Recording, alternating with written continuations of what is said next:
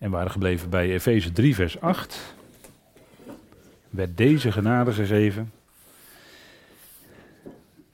En dat uh, was grote genade.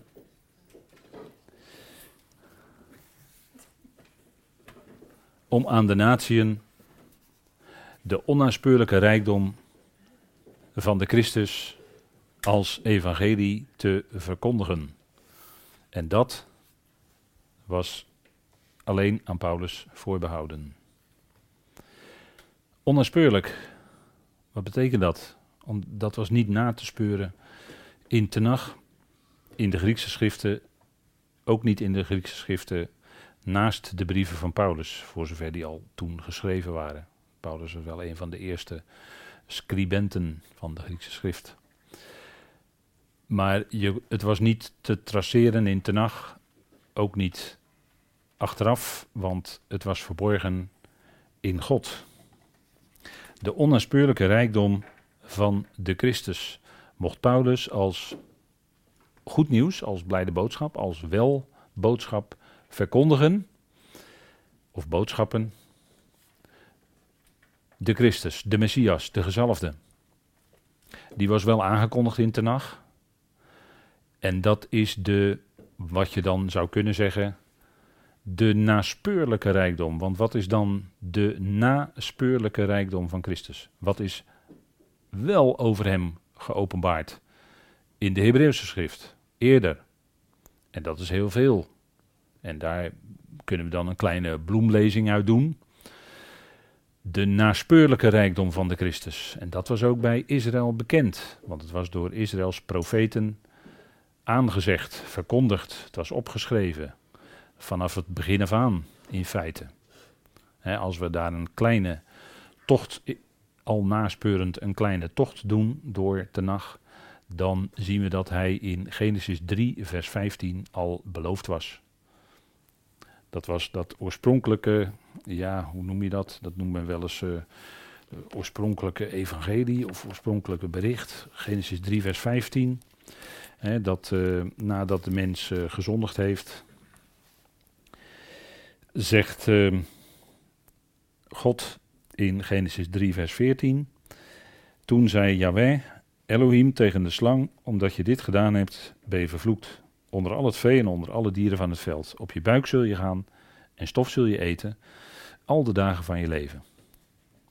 En ik zal vijandschap zetten. Even opletten wat God hier zegt. Hè. Ik zal vijandschap zetten. Dat doet God dus. Tussen u en de vrouw. Tussen uw nageslacht of uw zaad en haar nageslacht of haar zaad. Dat zal u de kop deerlijk verwonden. Er staat niet vermorzelen, want dat betekent dat de slang dan helemaal er niet meer zal zijn, dood zal gaan. En dat kan bij de Satan natuurlijk niet. Dat zal u de kop deerlijk verwonden. Het Hebreeuwse woord wat eronder zit gaat in die richting. En u zult het de hiel vermorzelen of verwonden. Dus dat was de eerste belofte. Dat er nageslag zou komen en dat, dat, ja, dat was dan degene die die slang zou verslaan, hoe moet je het ook zeggen, de, de kop deerlijk, dus die slang zal teniet doen, uh, verbonden, uitschakelen, hoe moet je het zeggen. Dus dat was in feite al de aankondiging, de eerste belofte, dat er een nageslacht zou komen, een zaad zou komen, dat dat teweeg zou brengen. En dat is de eerste aankondiging in feite van de Heer Jezus Christus, die later als de gezalfde, als de Messias zou komen. En dat is wat we met elkaar dan als eerste aanzet al kunnen zien in Genesis 3. Dus dat is al een hele vroege aankondiging. En we kunnen het ook zien in een optreden die plotseling op het toneel komt Melchizedek, waarvan later in de Hebreeënbrief gezegd wordt dat Christus priester, of koning priester is naar de, geworden is naar de ordening van Melchizedek, staat er dan. En die Melchizedek die wordt maar enkele keren genoemd in de schrift. Uh, bijvoorbeeld in Genesis 14 Laten we even met elkaar opzoeken. Genesis 14.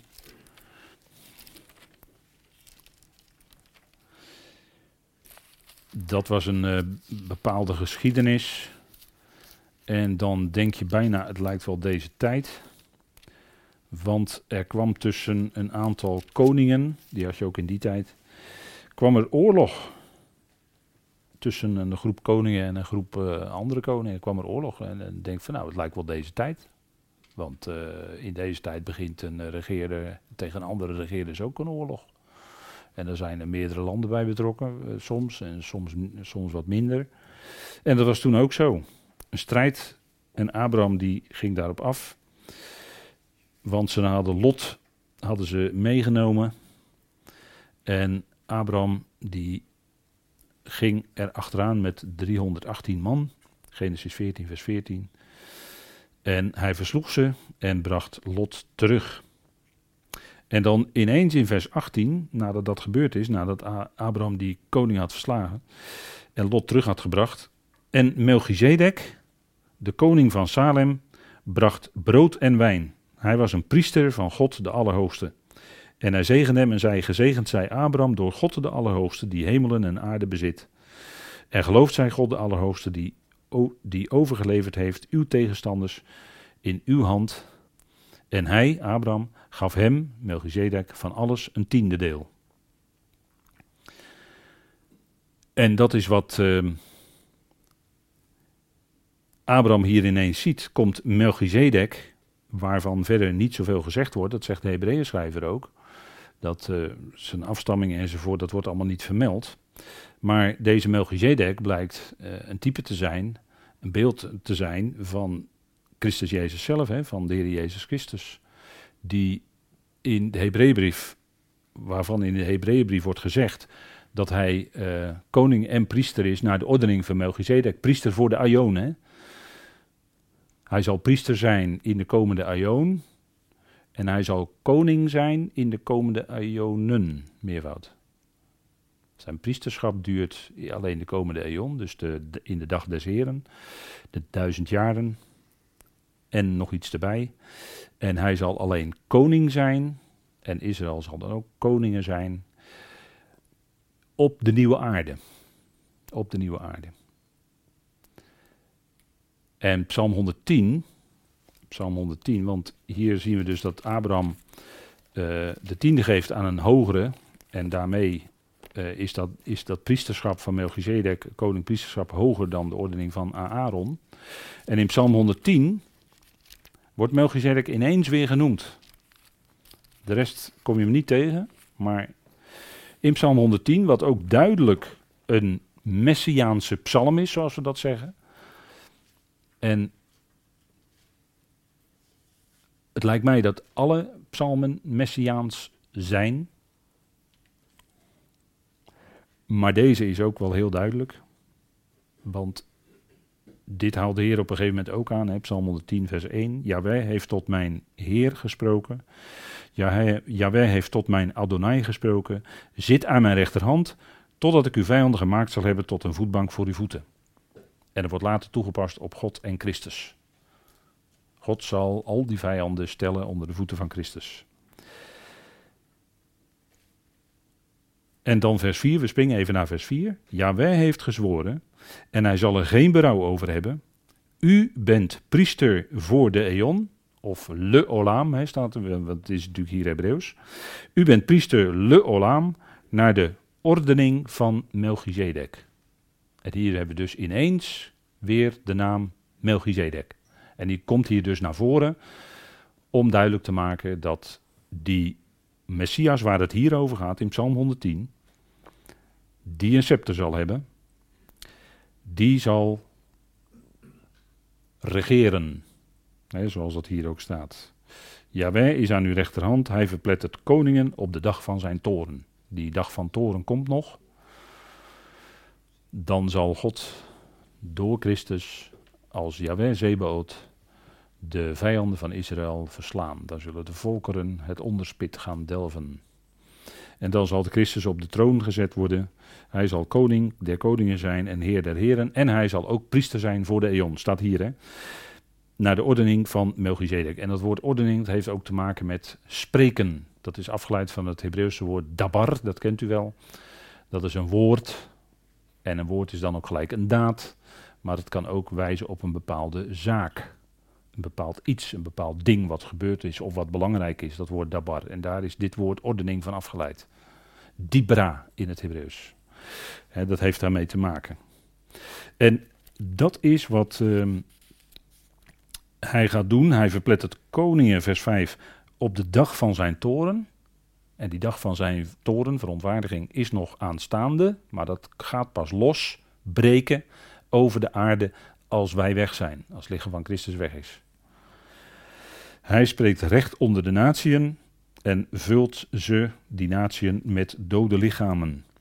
En verplettert degene die het hoofd is over een groot land. Dat zal hij allemaal gaan doen in de nabije toekomst, want de dag des Heren wordt nu eenmaal ingeluid met de dag van zijn toren.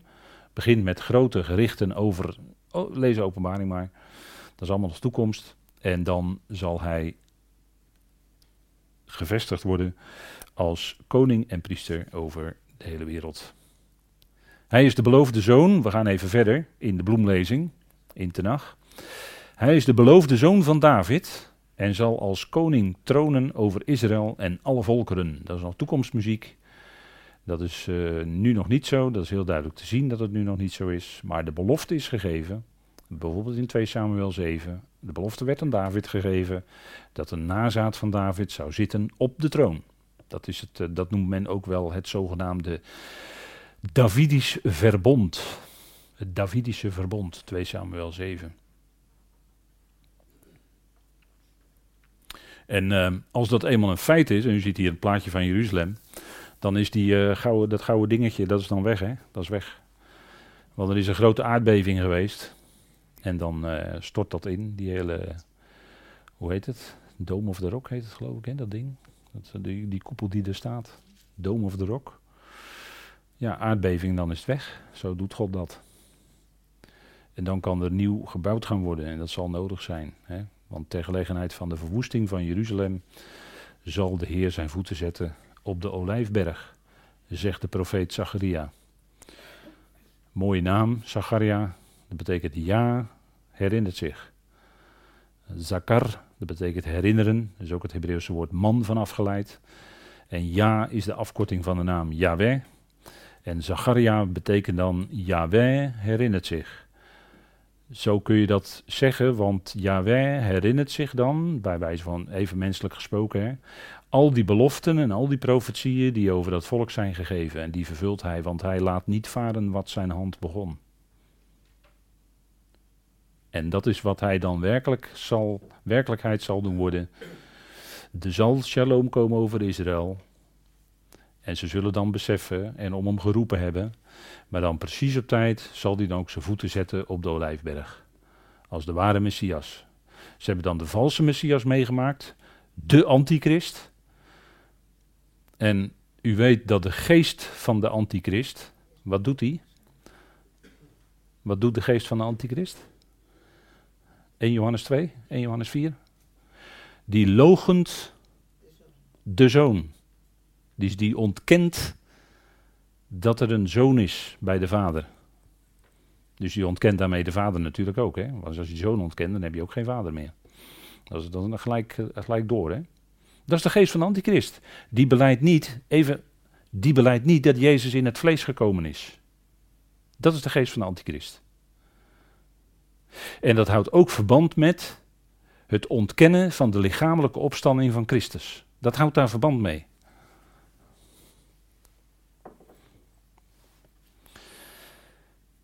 Want als je ontkent dat Jezus in het vlees gekomen is, dan ontken je daarmee dus ook de lichamelijke opstanding van Christus. Want ja, dan is het allemaal schimmerspel geweest, toch? Dan is het allemaal maar een schijnvertoning geweest. En, en was in, die, in die tijd was het al heel sterk aanwezig, die, dat soort gedachten hoor. In de, in de, hoe noemen ze dat ook alweer? De gnostiek. De gnostiek. De gnosis. De kennis. Was in die tijd uh, al echt aanwezig hoor. We moeten niet uh, opletten in deze tijd, want wij leven er naartoe, naar die tijd. We zitten daar heel dichtbij in deze boze eon. Wij zitten daar heel dichtbij dat die geest van de antichrist zich steeds sterker gaat manifesteren. Dus steeds sterker zal komen het ontkennen van Jezus, dat hij in het vlees gekomen is. Dat hij daadwerkelijk als mens hier op aarde heeft geleefd en daadwerkelijk ook als mens is opgewekt uit de dood. Met vlees en beenderen. Dat is de geest van de antichrist. En dat ligt, dat ligt dan, ja, dat ligt uh, scherp. Ja, zo scherp is de schrift natuurlijk wel, hè. Daarin kun je toetsen. Maar hij zal daadwerkelijk dan terugkomen en uh, zou koning der koningen zijn en heer der heren. Geweldige tijd hoor, breekt nog aan. Israël en de volkeren, dan zullen zij inderdaad uh, aan het hoofd zijn en niet de staart, hè, zegt Deuteronomium. En in Jezaja 9 wordt ook over hem geprofeteerd. Jezaja betekent redden zal zijn de Heer. Daar zit het woord redden in en het woord ja ook weer. Jezaja. Dus de redder zal zijn ja of Yahweh. En dat blijkt aan alle kanten uit de boekrol Jezaja. Want een kind is ons geboren, zegt Jezaja 9 vers 6. Een zoon is ons gegeven. En het vorst zijn, en uh, ja, je mag misschien ook vertalen het hoofdmanschap, maar ik weet niet of dat een goed Nederlands woord is. Dat is het Engelse woord eigenlijk, het chieftainship, zegt de concordante vertaling. Het vorst zijn, want er wordt een woord gebruikt wat ook in Israël zit, shar, shar, Israël, dan hoort u het, dat shar, shar zit ook in dit woord wat zit hier onder dat vorst te zijn. En het vorst zijn zal rusten op zijn schouder. En geroepen wordt zijn naam wonderbaar. En raad brengt hij tot de meester. Even scherp lezen, hè? de concordante tekst zegt dat. De concordante vertalingen, die heeft daar hele goede gronden voor. Want um, in de vertalingen staat dan meestal wonderbaar, raad, eeuwige vader, weet u wel. Maar dat staat niet, dat, dat kun je niet uh, hard maken hoor. Dat kun je niet hard maken. En daarom zegt de concordante vertaling, en raad brengt hij tot de meester, tot een machtige. Er staat in het eerste woord, ja we kennen dat uh, wel in het Jiddisch, het woord gabber. Maar dat staat hier in het Hebreeuws voor het woord meester, G-B-R. Gimel Beet Resh. En dat betekent een meester, een machtige, een machthebber is een van de woorden die gebruikt wordt voor dat soort uh, functies. Raad brengt hij tot de meester. En dit gaat natuurlijk over Jezus als de Messias. Hè? Dit is een profetie over hem. Die komt als, uh, ja, die wordt in Jezaja aangekondigd. Op diverse manieren. En dit is een hele bekende tekst, hè? die wordt elk jaar gelezen. En we lezen nog even verder in vers 7 over hem. En aan de toename van het vorst zijn, daar heb je dat bijzondere woord weer, komt maar twee keer voor in de Hebreeuwse schrift, in die vorm, het vorst zijn. En aan het welzijn, dat is de shalom, is geen einde op de troon van David en over zijn koninkrijk. Dus hier gaat het over de Messias, hè? dat gaat over de troon van David. En hij is, hè, de Jezus Christus is de zoon van David met een hoofdletter. En hij heeft daar, daarom alle rechten op die troon. Hè? En over zijn koninkrijk, waarvan Daniel ook zegt dat het geen, dat koninkrijk zal geen einde hebben. Hij zal tijdelijk als koning heersen in de komende eonen. Maar dan zal hij het koningschap aan de vader overdragen. Maar dan gaat het koninkrijk door. Alleen dan we het ook geen koninkrijk meer te noemen. Maar dan is God alles in allen. Dat begrijpt u, hè? Dan is dat koning zijn van onze Heer is voorbij. Dan is het niet meer nodig om het vast te grondvesten en te steunen met gericht en gerechtigheid. Dat zal hij doen. Hè. Hij zal gericht houden en hij zal gerechtigheid brengen. En God is volkomen rechtvaardig. De gerechtigheid van God is aanwezig in alles wat God doet. En dat staat ook, daar staat ook een artikel van in de nieuwste UR, de gerechtigheid van God ook aanbevolen om te lezen naast al die andere artikelen. De gerechtigheid van God. En dat is iets dat uit de hele tenacht duidelijk blijkt. Hè? Gods gerechtigheid. Uiteindelijk zal God recht doen. Dat wil ook zeggen dat hij helemaal handelt in overeenstemming met de hoogste maatstaven van zijn eigen gerechtigheid, van Gods eigen gerechtigheid, zoals in, bijvoorbeeld in Torah neergelegd.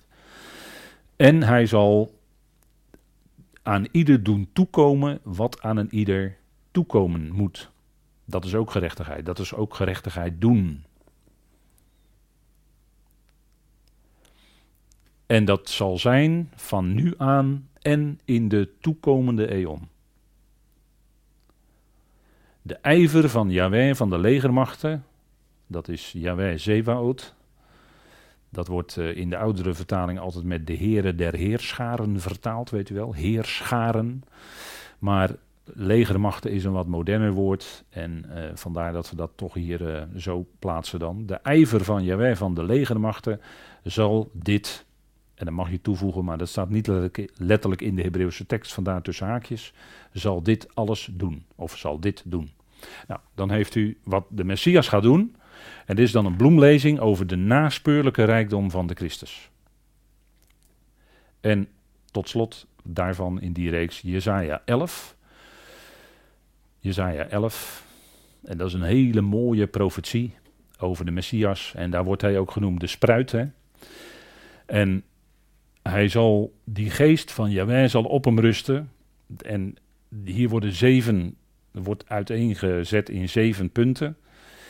De geest van Jaweh zal op hem rusten, een geest van wijsheid en inzicht, een geest van raad en meesterschap, een geest van kennis en van de vrees van Jaweh. Geweldige profetie en die geest die rustte op hem als de Messias. En hij sprak daarover bij zijn eerste, althans bij ons bekende toespraak in de synagoge in de shul in Nazareth. En toen citeerde hij niet dit, maar toen citeerde hij Jezaja 61, waar staat, ik, de geest van de Heer is op mij. En dat paste de Heer toen op zichzelf toe. Maar dat is die geest die hier dan uiteen, die hier dan in zeven facetten, en dat is niet uitputtelijk hoor, maar er wordt hier in zeven facetten, zeven aspecten van wat de geest doet, de geest van God, wordt dat hier nader ontleed, hè? nader uiteengezet, nader aangebracht. Die geest die rust op hem, op de Heer Jezus Christus. God had hem de geest gegeven, niet met mate, staat er ook in. Ergens in een van de vier verslagen van het leven van onze Heer. Die geest die rust op hem. En daardoor kon hij de woorden spreken die vader hem gaf te spreken. Daarom kon hij het werk doen wat vader hem had te doen gegeven. En hij zou dat werk ook volbrengen. Hè? Staat in Johannes 4, vers 34. Hebben we onlangs nog aangehaald. En dat is wat hij ook inderdaad tot het einde toe vol. Ja, dat werk heeft hij volkomen gedaan. Hij riep ook uit aan het kruis: Het is volbracht. Voltooid verleden tijd. Het werk was helemaal afgeklaard. En toen kon hij ook zijn geest overgeven aan de Vader. En kon hij de laatste adem uitblazen, om het zo maar te zeggen. En hij stierf en vader wekte hem op op de derde dag. En daarom zingen we het hele jaar door, u zij de glorie opgestaan Heer. Zingen we het hele jaar door. Tuurlijk, hij is opgestaan, hij is de levende. Hij is de levende Heer, hij leeft en hij zal altijd blijven leven. En hij geeft ons zijn leven. dat is geweldig. Dat is wat, eh, wat hij doet. Hè? De, de geweldige, en die geweldige geest, die geest van God, die werkte dus heel krachtig in overvloed in hem. Maar diezelfde geest, die werkt ook in ons. In, en dan hebben we het weer over microniveau. Niet alleen op hem, de grootste, de allergrootste, maar ook op microniveau bij ons. Werkt ook in ons hart, in ons leven. Heb je wijsheid nodig? Bid God erom en raadpleeg zijn woord. Eenvoudig hoor, heel eenvoudig. Heb je wijsheid nodig in je leven? Bid God erom.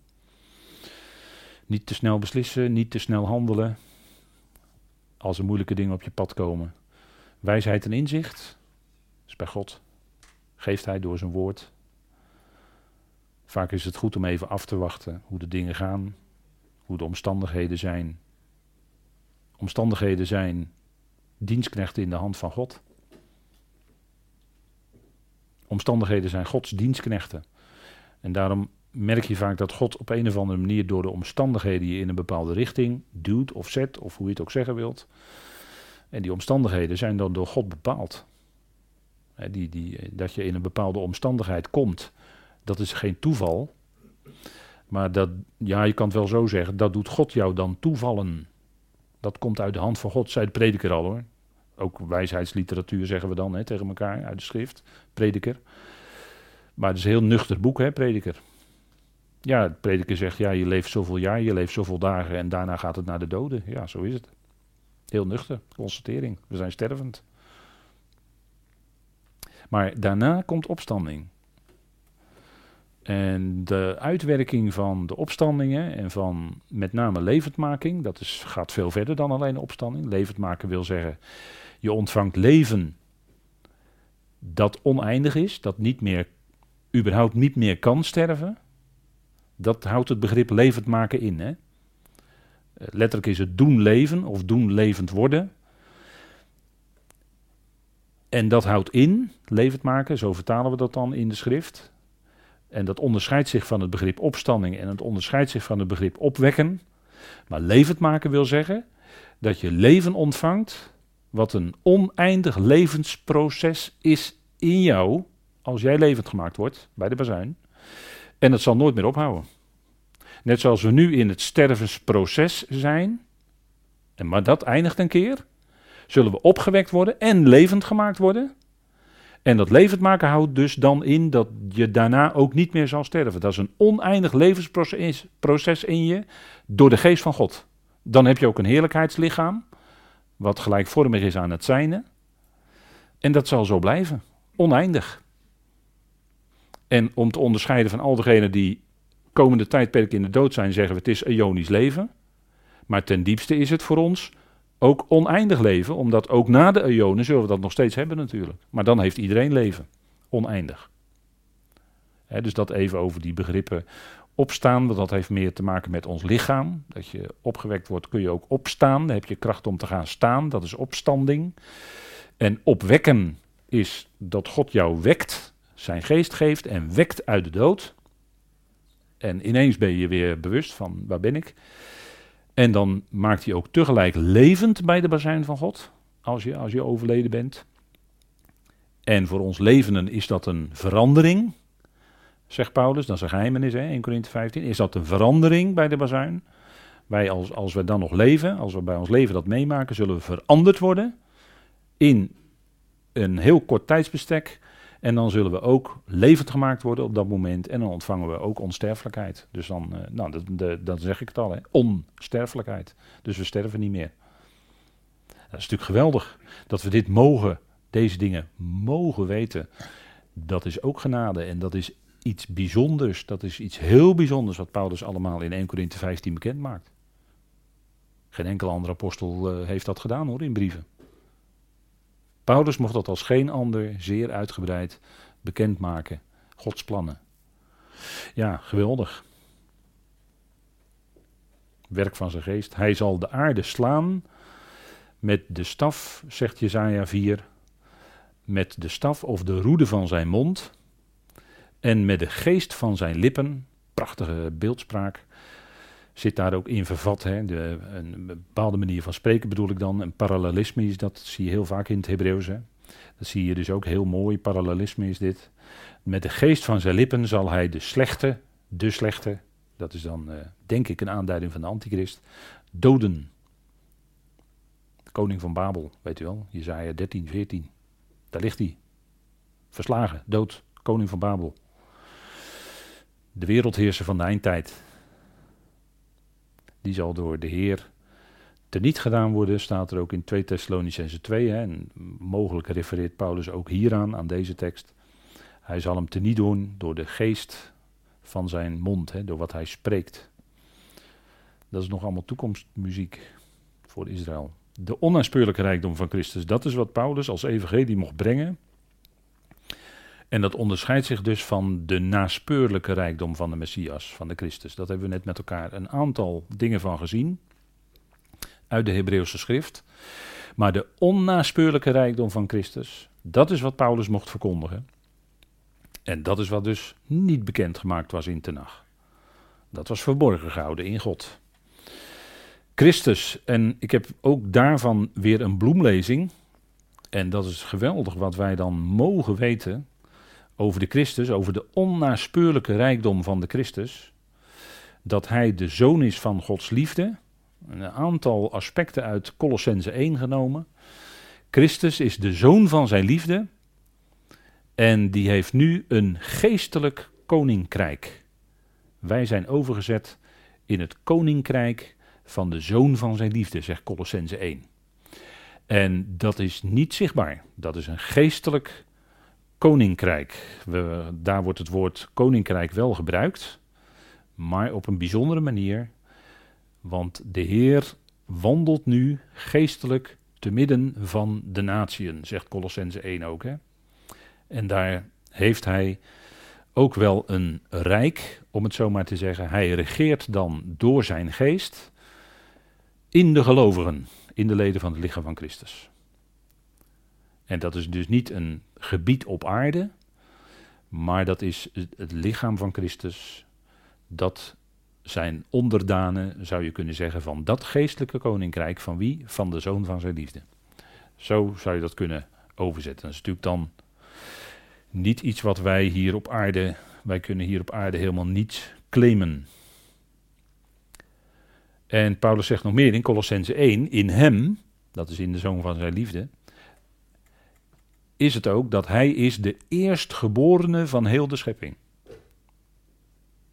Hij is de eerstgeborene van heel de schepping. Dus het eerste wat God, de eersteling of de eerstgeborene die God uit zichzelf voortbracht, om het zo maar te zeggen, is hij. En hij is dan ook het beeld van de onzichtbare God. Eerst moest dat beeld er zijn, zodat daarna al die schepselen in dat beeld kunnen zien wie God is. Nou, hij is het beeld van God. Hij representeert God, dus hij maakt God zichtbaar naar de schepselen toe. Daarvoor wordt hij, daarom is hij natuurlijk als eerste door God voortgebracht.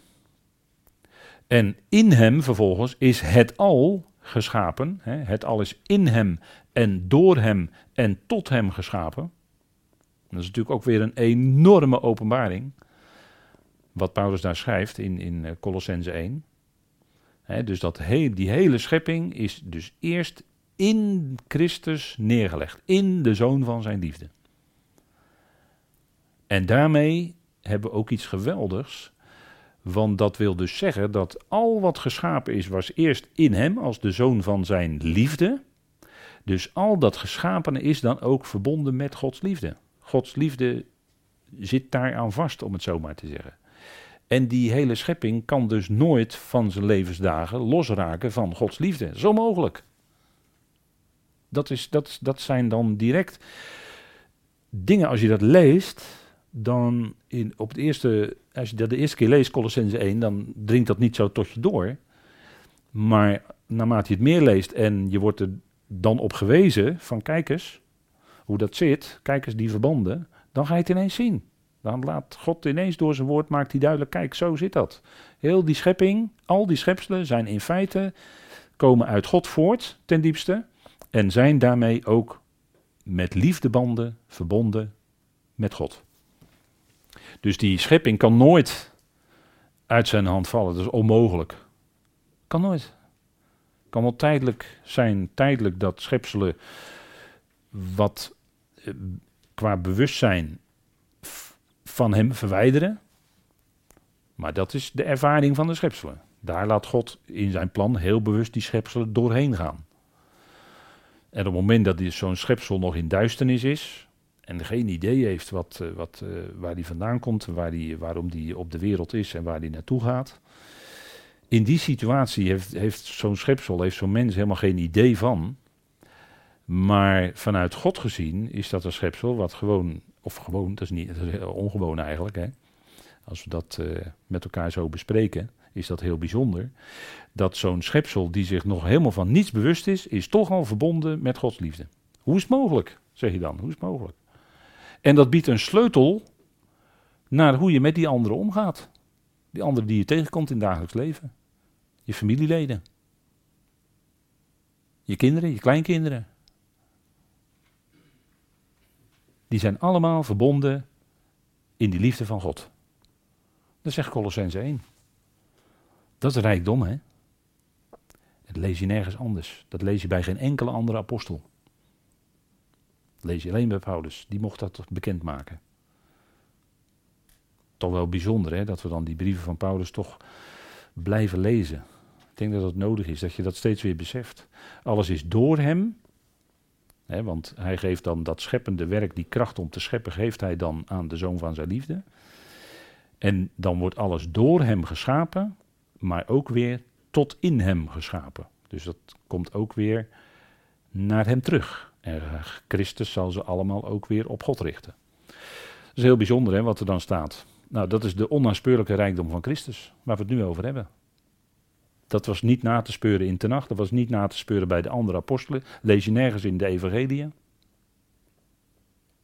Deze kostbare, enorme rijkdom, de onnaspeurlijke rijkdom van Christus, lezen wij dus in met name de latere brieven van Paulus.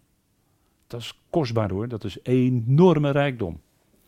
En hij, Paulus zegt ook in Colossense 1, hij is het hoofd van het lichaam, de eerstgeborene uit de doden.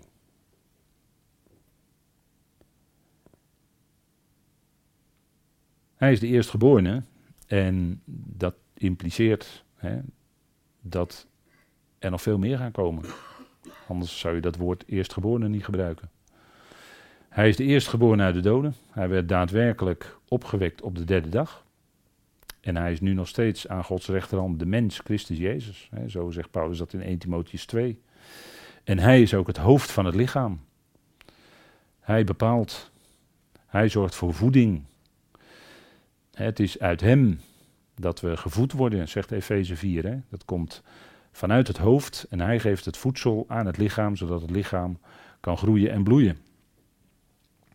En hij bepaalt ook, hè, als hoofd zijnde bepaalt hij ook de gang van het lichaam en waar dat lichaam mee bezig is en hoe dat lichaam opgebouwd wordt. Hij geeft ook gaven.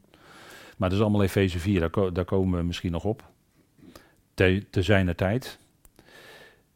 En Paulus zegt daar ook, in hem woont het complement, of woont het hele complement van de Godheid lichamelijk. Dus al wat nodig was voor God om zich bekend te maken aan zijn schepselen, hè, wat, voor, wat, wat, wat dat betreft nog bij God een complement nodig had, dat is Hij, dat is Christus. Dat is de zoon van zijn liefde. En als beeld zijnde, als beeld van God, completeert hij God, om het zo maar te zeggen, is hij het complement van de Godheid, zodat ook alles van God aan die schepselen bekendgemaakt kan worden.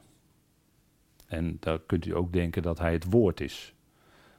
Het is een hele korte beeldspraak. Hij is het woord en hij is het beeld van God. En hij is het complement. Dat is allemaal in hem.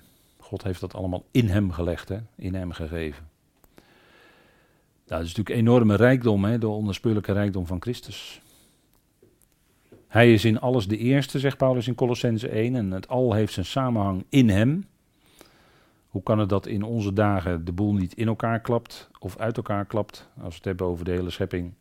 Dat komt omdat het zijn samenhang heeft in hem. Hij houdt het allemaal in stand. Hij zorgt dat het niet um, vergaat. Hij zorgt dat niet uh, de boel uit elkaar spat. Als de mens uh, per ongeluk iets zou doen. Of dat de boel in elkaar klapt. Door enorme vulkaanuitbarstingen of, of weet, eh, wat, wat je er allemaal kunt bedenken. Maar hij houdt dat allemaal in stand. En het moet ook in stand gehouden worden. En dat zeker nog duizend jaar. Want dan vergaat het allemaal wel door vuur, zegt Petrus. Hè. Alles wordt ten vure bewaard. En dat zal met uh, een grote knal en met gedruis en met vuur en vlammen zal dat voorbij gaan, die oude schepping. Zal dat uh, teniet gedaan worden en dan komt er een hele nieuwe schepping. Een nieuwe hemelen en een nieuwe aarde komt er dan. Dat doet God allemaal. Hè? En ook door hem, en daar eindigen we dan vanavond mee, want ik zie dat het alweer bijna tijd is. En door hem wordt het al, door hem wordt het al, dat is tapanta, dat is alles, alomvattend, die hele schepping. Zowel hemelse machten en krachten, die nu voor ons onzichtbaar zijn, als alle mensen. Die worden er allemaal in begrepen. Door hem wordt het al weder of wederzijds verzoend met God. Apokatalasso. Dat komt maar drie keer voor in de schrift en ook hier in Colossense 1, vers 20 en vers 21. Wederverzoend met God, het al wordt wederverzoend met God door hem. Hè, staat er twee keer nadrukkelijk, hè, door hem. En het is de God die vrede maakte in het bloed van zijn kruis. Allemaal Colossens 1, vers 19 en 20. En dat is alomvattend. Die verzoening omvat die hele schepping die al in Colossens 1, vers 15 en 16 genoemd werd. Dat is de context. Dat is alomvattend. Dat is heel Gods bedoeling met deze schepping. En dat het al, dat het dus daadwerkelijk allen, alles en iedereen omvat, dat mag je van professor Dr. A. Huigen niet zeggen.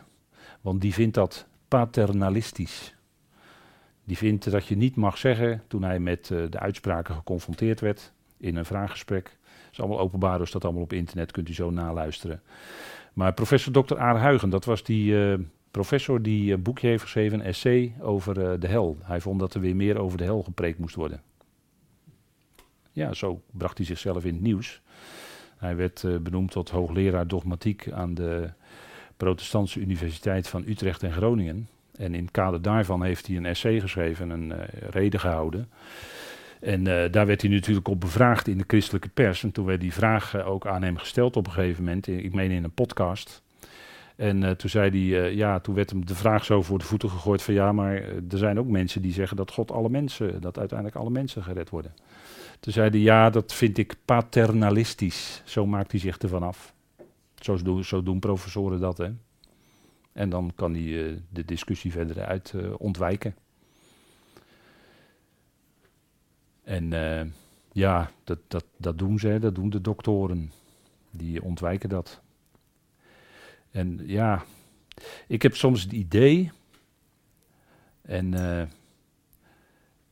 laatst stonden we even met elkaar zo te praten en eh, to, toen kwam dat ook naar voren. En ik heb het idee dat die doktoren het eigenlijk wel heel goed weten. Alleen als je ze privé zou zeggen van, dokter, maar u weet toch dat er dat en dat allemaal staat. En dan, kan het toch, dan, is het toch, uh, dan is het toch zo dat God uiteindelijk toch wel allen. En dat ze dan uiteindelijk dat schoorvoeten toch wel toegeven. Dat ze dat eigenlijk best wel weten. Alleen, ze zeggen het niet. Ze zeggen het niet hardop. En ze maken zich dan ervan af met zo'n opmerking dat het paternalistisch is. Maar ze weten het deksels goed hoor. Ja, en dat is, vind ik dan, zonder al te som te willen afsluiten vanavond, maar dat vind ik dan uh, een stukje waarheid neerhouden. Dan hou je de waarheid achter. Want het is de waarheid, daar kan je niet omheen. Het is zo. Ze weten het. En ze houden het toch achter. Dat is de waarheid neerhouden. Ja, je drukt, het, je drukt ze dan naar beneden, je drukt het weg. Ja, dat is, ja.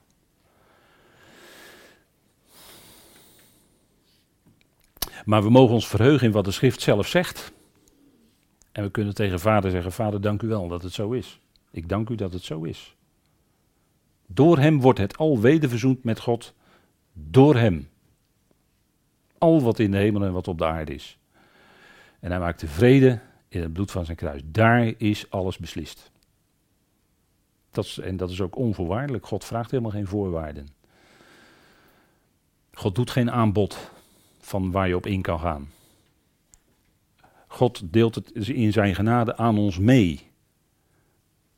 Hij zegt in 1 Timotheus 4: God is de redder van alle mensen. Dat is geen aanbod, dat is een mededeling. Dat is, dat is een vaststelling van een feit. En daar kun je dan als schepsel God voor gaan danken. Je hoeft niks te doen. Je hoeft niet zoals Luther op zijn knieën de, Sint, de trappen van de Sint-Pieter op. Dat hoeft allemaal niet. Daar kwam Luther ook achter. Je hoeft geen boete te doen. Je hoeft geen berouw te tonen om tot God te kunnen komen. Deed Paulus toch ook, Saulus toch ook niet? Die was een woesteling, die was een vijand van Jezus. Als een woesteling was hij op weg. En op dat moment riep God hem pakte hem en openbaarde hij zich. Niks, niks van berouw, niks van bekering, niks van op, uh, wat dan ook. Geen voorraad, niks. Hij werd gewoon gegrepen, Saulus. Dat is genade. En uh, dat is, daarom is dat God de redder is van alle mensen. Ja, dat is een mededeling. En daar zijn we blij mee. Daar danken we God voor. En dat, ja, zo is het. En dat is, dat is die geweldige waarheid van de schrift. En daar mogen we in liefde de ander aanreiken. Verkondigers zijn. Hè? Iedere gelovige kan een verkondiger zijn van die waarheid. En ja, dan heb je misschien soms een vijandige reactie, soms een, misschien een nadenkende reactie van zo, dan moet ik nog eens over nadenken. En het maakt eigenlijk niet uit, want je weet ook die reacties van mensen, dat wordt ook door God bepaald. En hoe die reactie ook uitvalt, dat is de zaak van God met diegene. Alleen wij mogen het, wij kunnen het, wij mogen het doorgeven aan, aan mensen. En natuurlijk kan het ook zijn dat mensen het echt niet willen horen, dat ze helemaal de boot af. Ik wil niks over horen, niks. Oké, dan niet. Nee, is de tijd nog niet, dan niet. Even goede vrienden, even eh, blijven in liefde staan. Maar dan is Gods tijd nog niet. En, en dat is wat je dan ook mag beseffen. En dan kan je daarbij biddend uh, staan en nou, daarbij bidden, nou vader, u, uh, u bepaalt het anders kennelijk nu nog. En dan kan het best zijn dat tien jaar later diegene wel de knieën gaat buigen. Dat is dan Gods tijd. En zo werkt God alles uit. Goed, zullen we hem daarvoor danken.